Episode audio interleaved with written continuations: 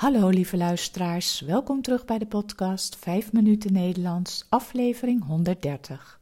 Het is vandaag woensdag 22 maart 2023.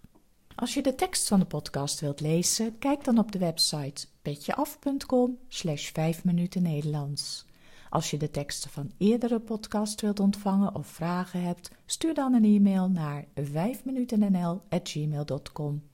Mijn naam is Carolien, ik ben taaldocent op de universiteit en woon in Leiden. In deze podcast vertel ik iets over mijn leven, over wat ik de afgelopen dagen heb beleefd of iets over de Nederlandse taal en cultuur. Aflevering 130 Uitslag van de verkiezingen. Als je in Nederland woont, is het je vast niet ontgaan. Vorige week woensdag hadden we verkiezingen voor de provinciale staten. Nederland telt in totaal twaalf provincies.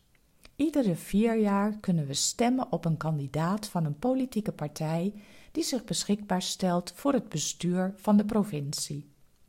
Deze bestuurders bepalen bijvoorbeeld het openbaar vervoer, de plaatsing van windmolens, de maximumsnelheid op de provinciale wegen en het beheer van natuurgebieden. Het aantal zetels van de provinciale staten hangt af van het aantal inwoners in die bepaalde provincie.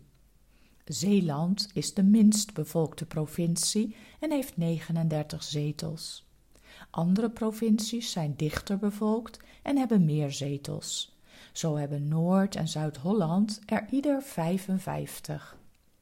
De leden van de provinciale staten kiezen de leden van de Eerste Kamer. De Eerste Kamer wordt dus niet rechtstreeks door de bevolking gekozen. En de Eerste Kamer is belangrijk. De leden van de Eerste Kamer beslissen namelijk over de wetten. Ze kunnen een wetsvoorstel blokkeren, zelfs als de meerderheid van de Tweede Kamer voor dat wetsvoorstel is. Dit komt in de praktijk natuurlijk niet zo vaak voor, gelukkig, maar het is wel gebeurd in het verleden. Als dezelfde partijen een meerderheid hebben in de Eerste en Tweede Kamer, is er niet veel aan de hand. Maar met de uitslag van de verkiezingen van vorige week woensdag is dat niet het geval. Ik ga het jullie uitleggen. Afgelopen woensdag is BBB, de Boer-Burgerbeweging, als absolute winnaar uit de bus gekomen. De BBB is in november 2019 opgericht door Caroline van der Plas. Ze was journaliste en lid van het CDA, de Christendemocraten. Maar ze verliet deze partij begin 2019 omdat ze het niet eens was met het programma van deze partij en omdat ze meer steun wilde voor de agrarische sector. Ze richtte een eigen partij op, de BBB, Boer-Burgerbeweging, en nam in 2021 als lijsttrekker deel aan de verkiezingen voor de Tweede Kamer. Ze behaalde één zetel. Van der Plas nam de zitting in het parlement. Ze heeft zich daar vooral heel sterk gemaakt voor de boeren. En daarmee dus ook heel veel stemmen gewonnen. Niet alleen van de boeren zelf, maar ook van de kiezers die het niet eens zijn met het beleid van de huidige regering en de stikstofplannen. Vorige week woensdag heeft ze een mega-overwinning geboekt. In alle provincies heeft ze de meerderheid behaald. Dit betekent een grote verschuiving in politiek Nederland. Van der Plas moet nu gaan zorgen dat ze voldoende goede mensen binnen haar partij heeft om de plaatsen in al die provincies te kunnen vullen. De BBB-kiezers hopen natuurlijk dat ze haar plannen waar kan maken. En deze nieuw gekozen BBB-leden van de provinciale staten gaan dus straks op 30 mei de leden van de Eerste Kamer kiezen. Hier zal de BBB dan ook als grootste partij uitkomen. En dit maakt het voor de huidige regering heel moeilijk om nieuwe wetten door te voeren.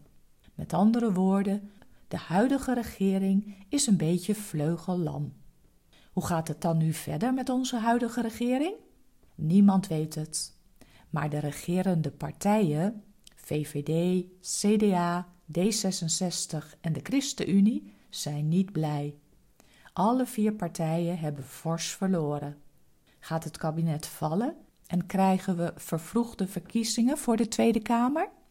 Het zou zomaar kunnen. Ik zal jullie op de hoogte houden.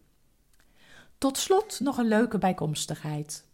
Ik had jullie alles verteld dat de boeren uit protest tegen het stikstofbeleid vlaggen langs de snelweg hadden gehangen, ondersteboven, dus blauw, wit, rood. Meteen na de overwinning van Van der Plas vorige week waren de boeren zo blij dat ze die vlaggen weer hebben omgehangen. Dus nu zie je overal rood-wit-blauwe vlaggen hangen. Dit was het weer voor vandaag. Veel dank voor het luisteren. De podcast is voor iedereen gratis. Maar als je de podcast wilt steunen, bijvoorbeeld met een kopje koffie, dan kan dat via de website petjeaf.com. Ik wens jullie een hele fijne week en graag tot de volgende keer. Dag!